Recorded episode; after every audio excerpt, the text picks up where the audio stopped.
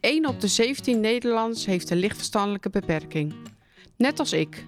Vaak zie je of hoor je het niet meteen aan iemand. Maar voor ons werken dingen net even wat anders. In deze podcast praat gezinsbehandelaar Maria Proost met verschillende professionals over de communicatie met mensen met een LVB. Hoe herken je mensen met een LVB? En hoe ga je met hen een gesprek aan over bijvoorbeeld begeleid wonen, regels op de werkvloer en zwaardere onderwerpen, zoals trauma's en contact met de politie? En hoe kan je nou het beste reageren als de communicatie vast lijkt te lopen? Welkom bij een nieuwe podcast van Cirelo over onderwijs en LVB. Ik ga vandaag in gesprek met Johanneke Koster, stage- en uitstroombegeleider bij Beekdals SO, en Gordon Frans, een cliënt met een lichtverstandelijke beperking die nu een opleiding tot begeleider in de zorg volgt. We gaan het hebben over de drempels in het onderwijs voor mensen met een lichtverstandelijke beperking. En we luisteren naar het inspirerende verhaal van Gordon. Welkom. Dank je. Dank je. Johanneke, zou jij kunnen vertellen wat, wat jij doet bij Cirilo? Ik werk bij Cirilo Onderwijs. Uh, heeft een aantal scholen die vallen onder Cirilo Onderwijs. En ik zit op een van die scholen, Beekdal VSO, hier in Amersfoort. En ik doe daar de stages en de uitstroom van onze leerlingen na school. Dus uh, als ze 17, 18, 19 zijn en ze gaan uh, zich richten op de toekomst... dan ga ik samen met hun en met hun ouders kijken naar... wat zou nou een mooie plek zijn voor jou om straks te gaan werken, dagbesteding af te nemen of wellicht vervolgonderwijs? Ja, nou, ik ben Gordon, ben uh, 30 jaar. Zo moet je goed over nadenken. en um, ik uh, woon in het prachtige Het Harde.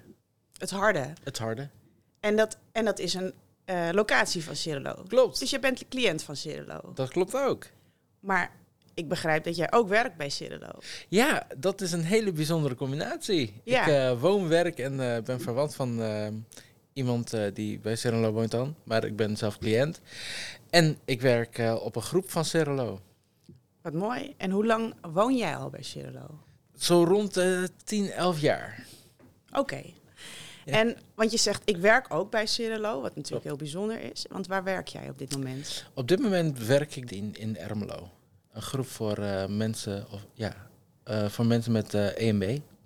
En wat is EMB? Kun je dat uitleggen? Staat voor ernstig meervoudig beperkt. Oké. Okay. En wat, wat doe je daar dan op de groep? Um, daar help ik in de dagelijkse zorg, in het verzorgen van de mensen. Maar ook gewoon in het huishouden of boodschappen doen. Of lekker even gewoon een stukje wandelen. Oké. Okay. Met de cliënten. Superleuk. Ja, Jij vertelde net dat je inderdaad uh, woont bij Cirilo en je werkt bij Cirilo. Klopt. Kun je eens wat vertellen over hoe dat is gekomen? Um, nou, eigenlijk, um, ja, zoals iedereen uh, die bij Cirilo komt, uh, heeft een zorgvraag. Nou, die heb ik ook. Um, en ik ben eigenlijk begonnen toen op school. Nou, vanuit school ben ik doorgegaan naar dagbesteding. Um, en daar kwam eigenlijk voor mij een, een, een moment dat ze eigenlijk aan het begin al zeiden van... dit is het hoogst haalbare wat Gordon kan. Toen dacht ik, oké, okay, mijn leven is over. Ik kan niks meer. En wanneer kreeg je dat precies te horen? Um, toen ik 18 was. En toen, was je, en toen deed je werk, uh, dagbesteding bij, ja. uh, bij Cirilo. Ja. En waar werkte je in de dagbesteding? Ik werkte bij Grand Café Alleman in Harderwijk. Oké. Okay. Een horeca. En daar zeiden ze eigenlijk, Gordon, dit is, dit is dit hoogste haalbare. Ja, mijn uh, begeleidster, uh, met wie ik toen uh, het, de intake had, samen met iemand anders van Cirilo. Die zei, ja, dit is het hoogst haalbare wat Gordon kan bereiken in zijn leven. Ja, die kwam wel um, best hard binnen. Wat heeft gemaakt dat jij um, toch verder bent gegaan, toch verder bent gaan kijken en uiteindelijk begeleider bent geworden bij Cirilo? Wat dat heeft gemaakt? Eigenlijk denk ik mijn doorzettingsvermogen. Mijn, mijn drive van, ja jongens, jullie kunnen dit wel zeggen, maar ik, ik, ik denk dat er echt meer in zit. Um, en door eigenlijk um, mezelf te ontwikkelen en uh, obstakels tegen te komen, en uiteindelijk te gaan onderzoeken echt wat bij mij past, ehm, ja, ben ik er gekomen bij, ja, ehm, eerst met bij landsteden was zo'n, ehm, ja, uh, entree start iets.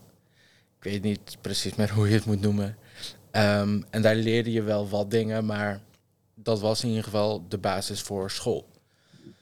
nou, daarna ben ik ervaringsdeskundige geworden. En toen dacht ik, wacht, ik kan dus echt wel meer. Ik kan mensen inspireren, maar mensen kunnen mij ook inspireren. Ik, ik krijg hier een soort van, ehm, ja, positieve vibe.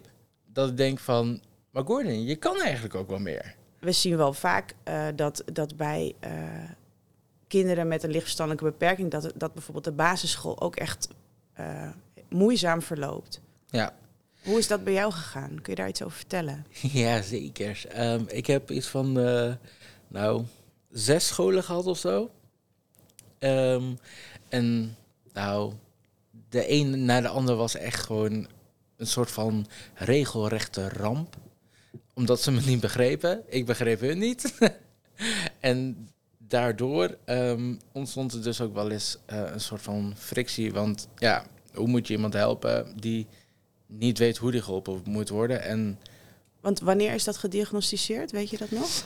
Um, zo rond mijn zes à negen leven, levensjaar. Ja. Dus toen zat je nog op de basisschool? Ja. En hoe was dat? Dat dat zeg maar, nou ja, dat, dat, dat, dat je die diagnose kreeg? Um, nou, eigenlijk heb ik er zelf heel weinig van gemerkt. Alleen op het moment dat het dan verteld wordt tegen een leraar, een hulpverlener, dan is het, oh, maar wij weten wel hoe we met zulke mensen om moeten gaan. Ja, dat is heel leuk dat je dat denkt te weten, maar ieder persoon is toch anders, dacht ik altijd. En uiteindelijk, de praktijk laat het ook zien. Ieder persoon is ook anders. Ja, want um, de zorg die zij mij bieden, of de um, vraag die ik had, die sloten niet altijd op elkaar aan. Waardoor er, ja, ik dus wel eens van school af ben gegaan omdat het gewoon niet meer werkte. Maar je bent op je, uh, tussen je zesde en je negende moet je nog wel een deel van de basisschool doen. Hoe is dat dan verder gegaan? Ben je gewoon op het reguliere basisonderwijs gebleven? Ja, met extra heb, begeleiding? Um, of ben je naar speciaal? Nee, nee, ik heb uh, nooit extra begeleiding gehad. Ik ben altijd op het reguliere normale basisonderwijs gebleven. Tot aan mijn tiende, elfde. Het was ook de eerste keer dat ik met speciaal onderwijs te maken kreeg. En hoe was dat? Bijzonder. ja, um, opeens is het dat er duidelijkheid in zit. Er, is, uh, er zit structuur in. Um, maar ook laten ze ook nog wel een stukje los. Een stukje zelfcontrole. Dus um, het is ja, een, een, een andere manier van naar school gaan eigenlijk. Wat je eerder gewend bent, dat je eigenlijk jezelf eigenlijk maar een beetje bij elkaar moet rapen, omdat je denkt van ja, ik moet weer naar school, maar ik heb er zo geen zin in. Mag ik thuis blijven? Ik ben ziek. Um, tot aan van, nou, ja, ik heb eigenlijk wel zin. Mag ik nu gaan?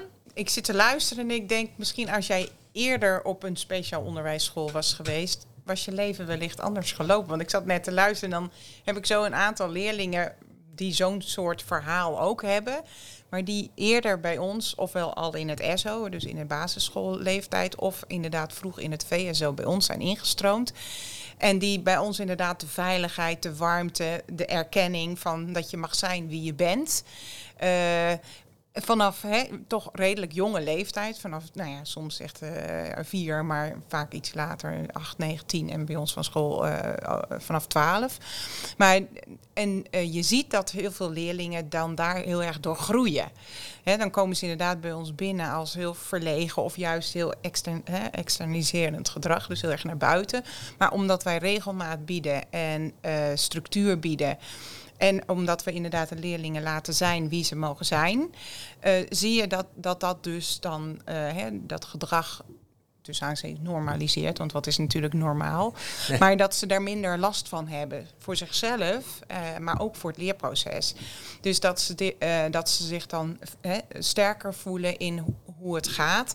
En we hebben dus ook een aantal leerlingen die zo gegroeid zijn dat ze na onze school inderdaad ook naar, VMBO, uh, naar een MBO niveau 1 kunnen gaan. Het zijn er niet heel veel, moet ik zeggen, maar er zijn er wel. En dan denk ik wel eens van, hadden zij die route ook afgelegd wanneer ze inderdaad bijvoorbeeld naar praktijk, want jij hebt praktijkonderwijs gehad, toch? Klopt. Als ze naar praktijkonderwijs waren gegaan, dan denk ik van nee, want juist op een uh, speciaal onderwijs ZML is het veilig, is het rustig, is de de populatie, hè, de mensen, de leerlingen die daar zitten, die zijn wat zachter. Ik denk dat op praktijkonderwijs uh, hè, zijn kinderen meestal best hard naar elkaar. En dat is bij ons wat zachter.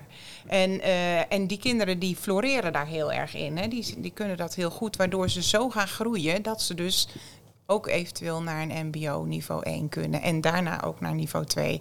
Dus ik vond het, uh, ja, hè, toen ik jouw verhaal hoorde, dacht ik van goh wat jammer dat dat eigenlijk gemiste kans is dat geweest voor jou. Als jij hè, misschien eerder op zo'n soort school was gekomen, was je misschien eerder, niet dat je, hè, je komt er nu ook, ja, maar dan was de weg misschien wat soepeler gegaan. Want nu heb jij heel erg de kracht uit jezelf gehaald.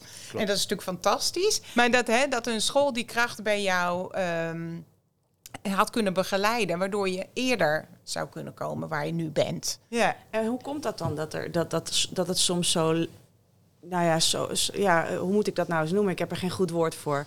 Dat, dat het proces zeg maar zo langzaam gaat en dat, uh, dat er te laat misschien gediagnosticeerd wordt en dat er te laat misschien juiste begeleiding op school wordt geboden.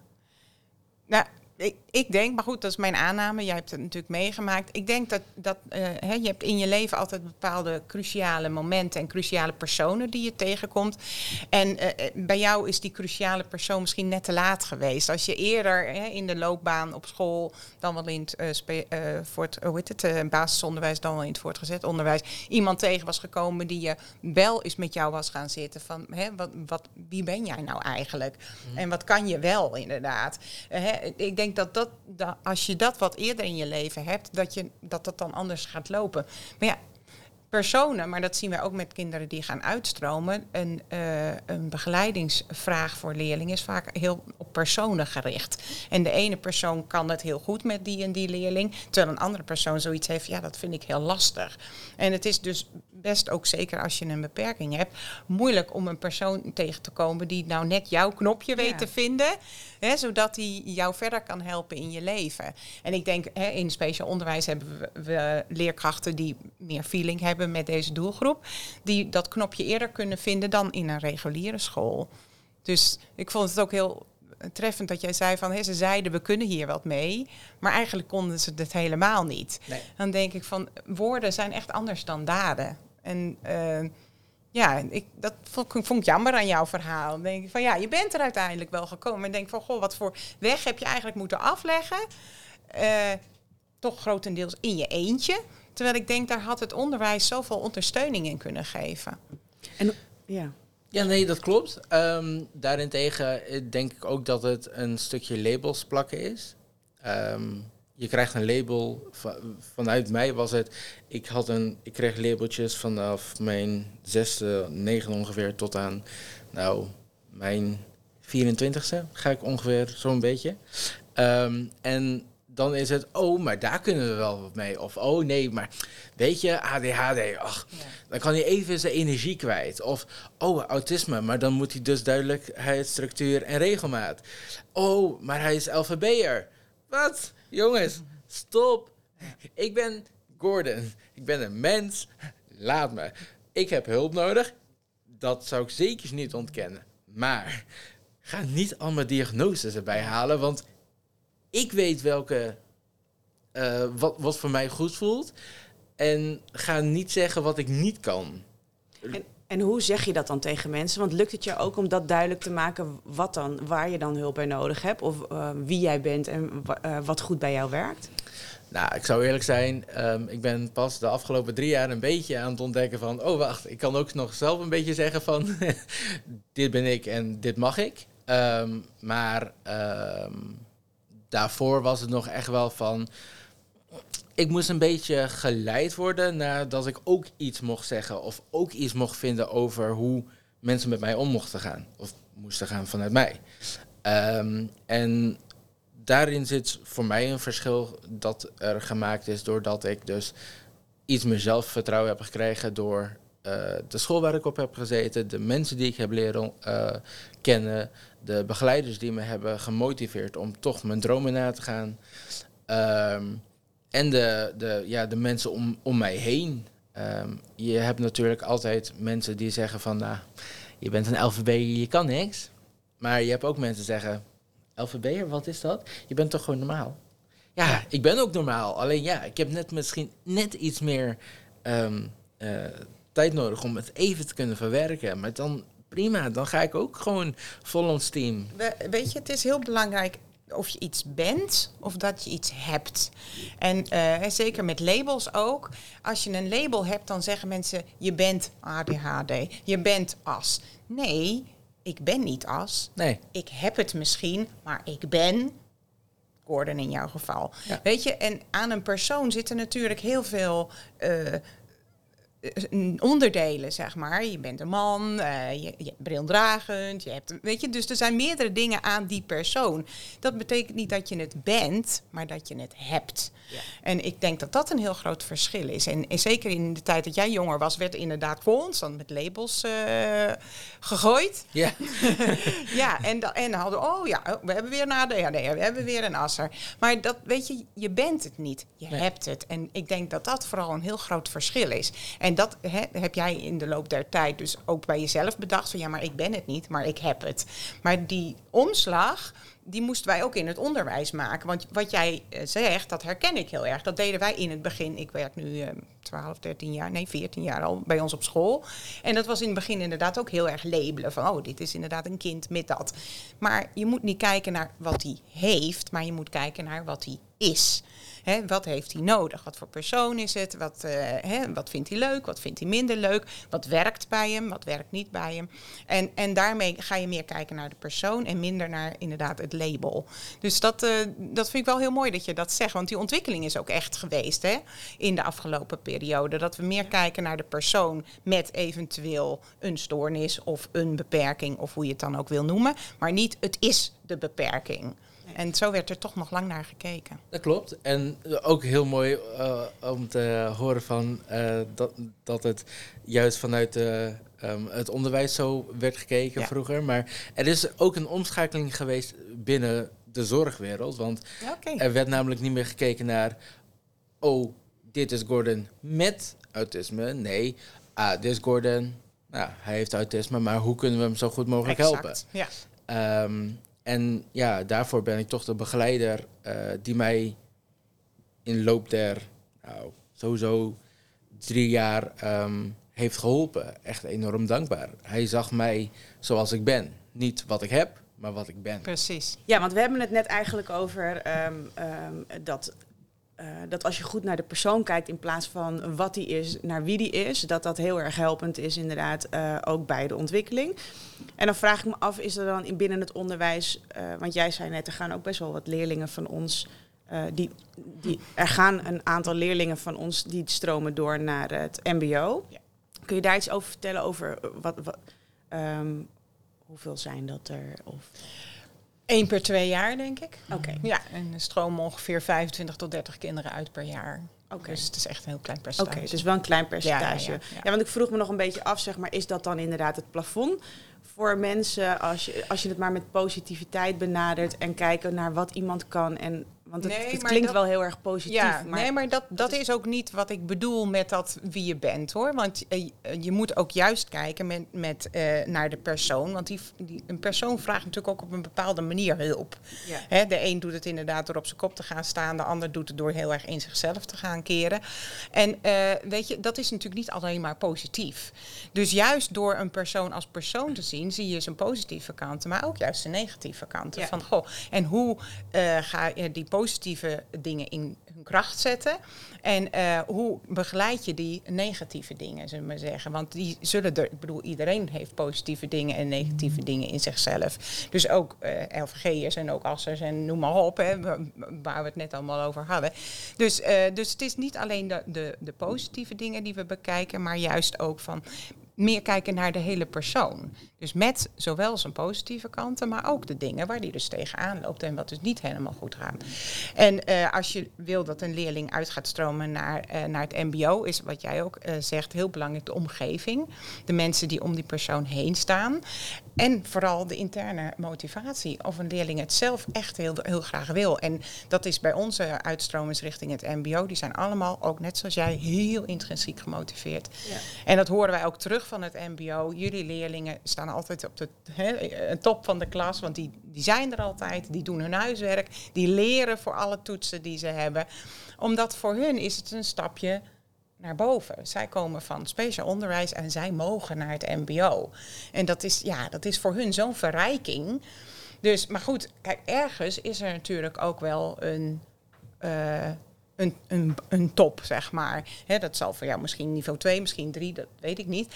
Maar een, een her- de hersenen van de mens groeien natuurlijk nog heel erg lang. Dus als onze leerlingen met 18, 19 uitstromen naar het MBO, ja, dan hebben ze nog wel een jaar of negen waarin de hersenen ook nog groeien. Dus ik weet niet of dat hun top al is. En dat zeggen we ook nooit. We zeggen, ga, ga maar kijken wat je eruit kunt halen.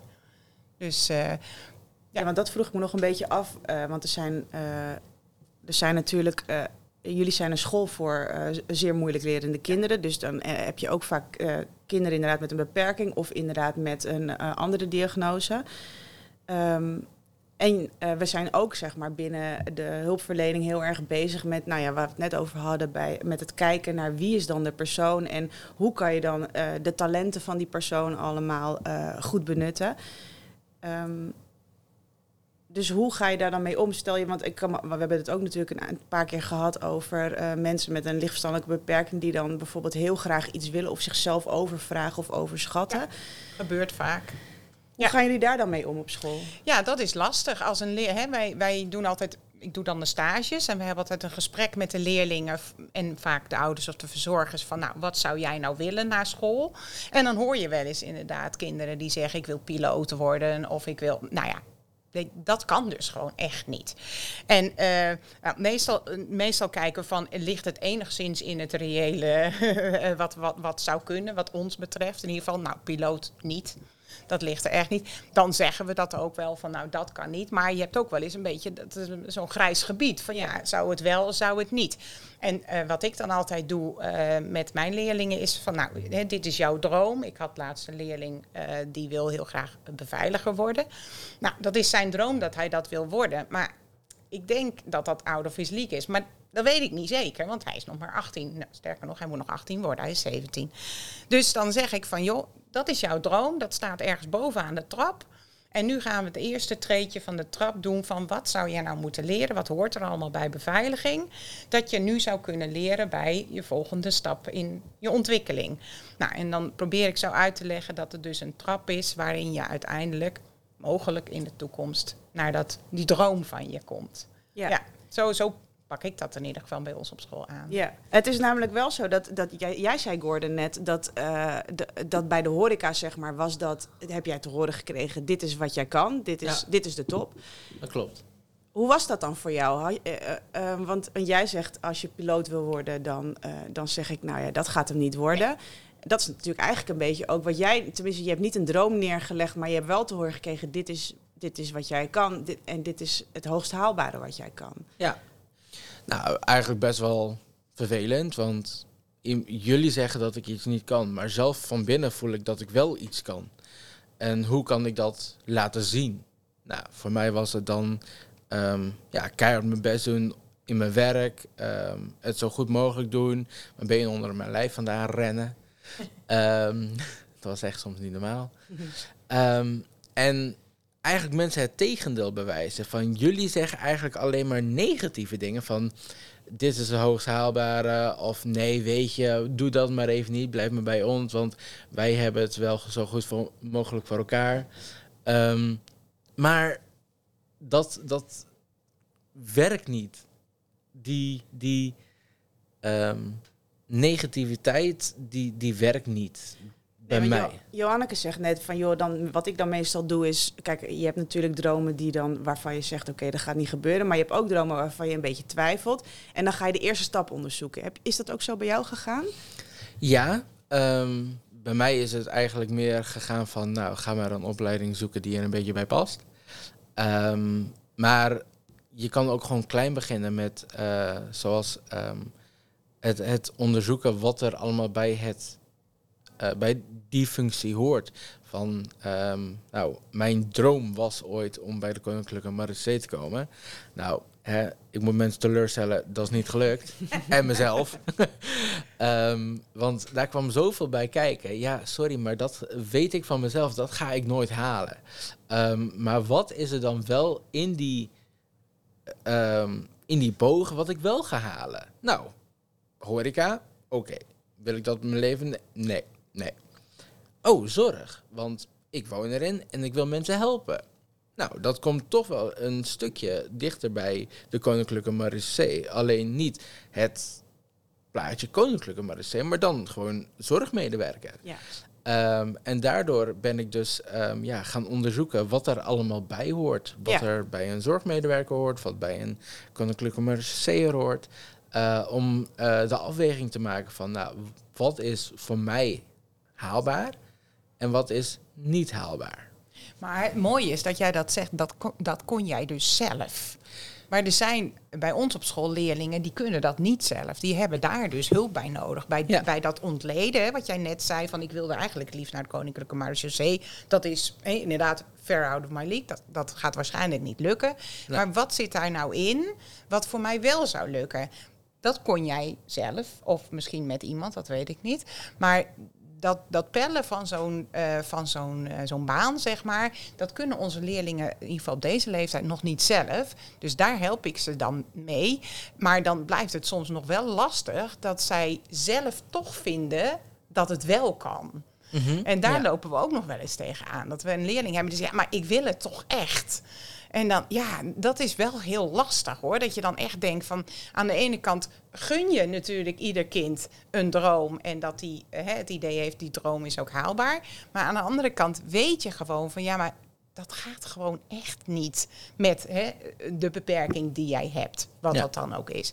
Dus eh, ja, dus dat, dat is soms best wel balanceren tussen inderdaad een, een, hè, de, de wil en de, de wens van een leerling en wellicht ook zijn, zijn ouders of zijn omgeving. En waarvan jij weet van nou, dat ligt gewoon zo ver buiten jouw mogelijkheden.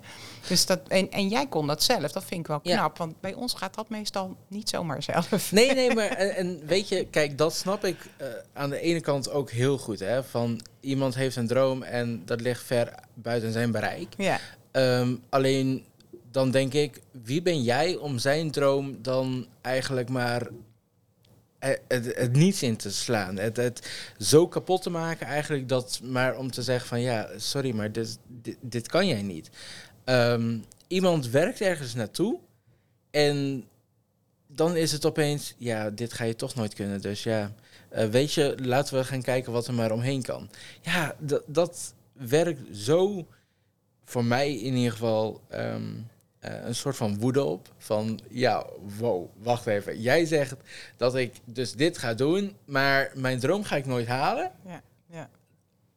Nee, daar ben ik het niet mee eens. En daarom ga ik er dus ook voor vechten om mijn doel te behalen. Ehm, maar aan de andere kant is het dus ook wel weer een stuk iemand beschermen in wat hij of zij kan. ja. Dus het is soms heel lastig, maar ik vind niet van dat je zo makkelijk iemands ja, wens, droom, ehm, eigenlijk maar een beetje ehm, ja, in stukken moet breken. En dan maar te denken van ja, wat gaan we dan doen? Ja, nee, ik wil dit. Ja, oké, je wilt dat. Nou, ga dan maar eens gewoon met ons opschrijven eh, alle voor's en tegens. En ehm, eh, heb je die kwaliteiten al of moet je die nog ontwikkelen? ja. Ehm, en hoe ga je dat verder als je eh, van school bent? Hoe ga je dat dan verder doen? En op school, hoe ga je dat dan doen? Want Ja. ja, je moet ook natuurlijk de dingen die binnen dat eh, beroep vallen, moet je ook allemaal kunnen. Ehm, en dan eh, komt er uiteindelijk iemand ook zelf echt wel achter van, oh, wa- wacht. Ehm, heel boos worden op iemand die ik staande hou is niet zo heel handig, lijkt me. dus, mm, of ja, als ik dan met een pistool loop en dan denk van, woehoe, ik ga cowboytje spelen, is ook niet zo lekker. Dus ehm, daarin komt iemand altijd achter wat hij of zij zelf moeilijk vindt. En uiteindelijk, eh, iemand die 18 is, heeft echt ongeveer een hele lijst aan dromen. Ja. En die kan je dan uiteindelijk ook weer terugbrengen naar drie of vier die hij of zij wel kan. Ja. Dus de, de grootste droom is bijvoorbeeld in- eh, een piloot worden. Ja, echt superleuk als het dan zou lukken. Maar ja, er zitten nog wel ook dromen onder. Want hij is namelijk nog maar 17, ja, 18. precies. dus zijn dromen, zijn, zijn wens, wat hij wil worden, is elke keer wel weer wat anders bijna. Dus Nou, daar... Sommigen zijn heel vasthoudend hoor. Ja, zeker. Ja, dat, maar dat, dat, dat geloof ik ook heel graag. En dat is natuurlijk ook dan wel weer de, de, ehm, de manier om te zoeken van... hoe kan ik deze persoon op een eh, manier zeggen dat... Ja, je beter naar iets anders kan zoeken dat wel in die richting valt... maar niet om zijn droom kapot te maken. Nee, nee. Want ja, Maar dat is wel vaak een balans. ja, zeker. Maar het is ook een afweging die je zelf Ja, moet maken voor- bij, vanuit jezelf. En Want- in, in, in, samenspraak overleg. met ouders ook Ja, inderdaad. maar goed, dan is ja. het wel weer... ehm, jij gaat bijvoorbeeld dan in gesprek met ouders en... eh, met leerling met altijd. leerling. Hè? Ja. Ja. Ehm, maar dan eh, gaan ouders en leerling gaan naar huis. En dan wordt daar nog even lekker op ingepraat van... Ja, zie je, je lerares zei dus eigenlijk van... Ja, dit kan jij niet. Mm. Dus dit moet je niet gaan doen en bla bla bla. En dan de volgende dag komt de eh, desbetreffende eh, eh, student weer op school. En die gaat helemaal uit de stekker. en jij denkt, wat de heck happened? Maar eigenlijk is dat eh, weer terug te vatten naar het gesprek dat je met. Hem hebt gevoerd. Ja, Dat ja. er toch ook wel emoties bij komen Ja. kijken. Ja, omdat die droom absoluut. natuurlijk stuk Ja. wordt Nou, gemaakt. dat je inderdaad. zegt, ja. Maar wat wij ook, eh, tenminste wat ik ook altijd zeg als een leerling gaat uitstromen, dan zeg ik ook altijd, hè, want soms, soms denken ze, en dat denken ouders soms ook van, oh god, dan zit hij straks tot zijn zestigste, zit hij eh, inderdaad in een dagbesteding zo. Dan zeg ik, nee hoor, dat hoeft niet. Ik zeg, je kan ook, hè, als je bijvoorbeeld een jaar ergens hebt gezeten en je wil iets anders, geef dat aan, hè, ook naar ouders verzorgers, geef het aan of je eh, ontwikkeling eh, ziet stagneren of dat je eh, andere ideeën hebt. Dus ik, ik geef ook altijd mee van het is niet voor altijd als je uitstroomt. Kijk waar er daarna nog mogelijkheden zijn. Hè, of in ontwikkeling of in interesse. Hè, dat je de ene keer... Misschien vind je horeca in eerste instantie leuk. Maar denk je na een, jaar of twee, nou, pff, ben die horeca wel zat. Ik zeg, want eh, eh, wij hebben ook vaak banen, meerdere banen in onze loopbaan. En niet alleen maar één baan. Ik zit ook niet 30 jaar achter de kassa, Hema, eh, achter de Hema kassa, worsten te verkopen. Dus, eh, dus eh, kijk gewoon wat je... Ja. Kijk gewoon wat je, wat je leuk vindt in je leven en zeg op tijd van ik wil iets, iets anders. Dus dat geef ik wel altijd mee.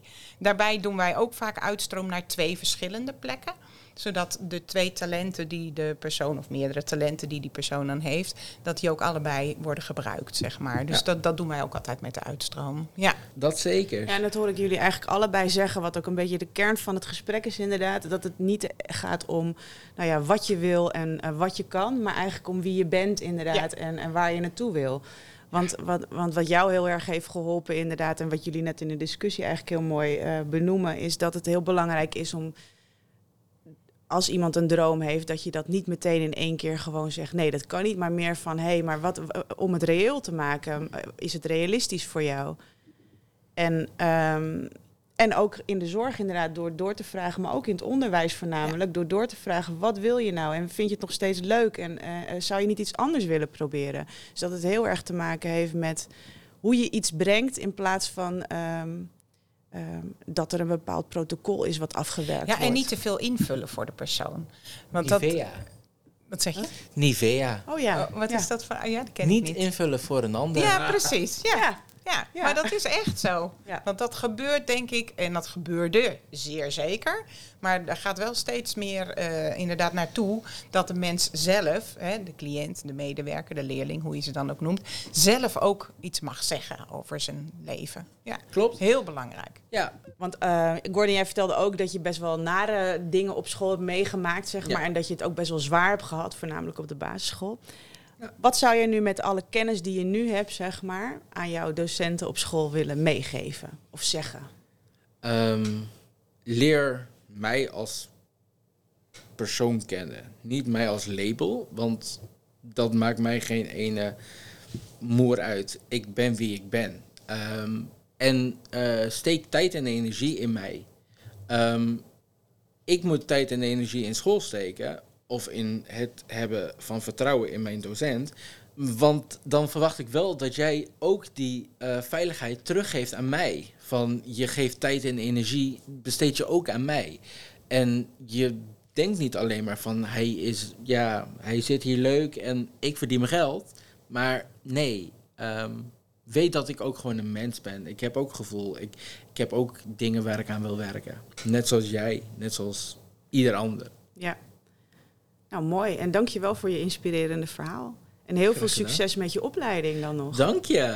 Ja, ik ben, eh, ik ben er super blij mee. Ja. Nog eh, ongeveer een jaar. Dus Nou ja, ik denk dat je een heel mooi voorbeeld stelt voor eh, heel veel andere mensen nou, dat hoop met een ik zeker. beperking. Dat hoop ik echt zeker. En weet, je dromen zullen misschien niet altijd uitkomen, maar je hebt altijd wel iets waar je goed in bent. Bedankt dat je de tijd hebt genomen om te luisteren naar deze podcast. Ik hoop dat je anders bent gaan kijken naar mensen met een lichtverstandelijke beperking. Deel de podcast ook met anderen, zodat ook zij mensen met een LVB wat meer kunnen gaan begrijpen. Kijk op cerelo.nl slash ZLVB voor meer informatie en een handige checklist om mensen met een lichtverstandelijke beperking beter te herkennen.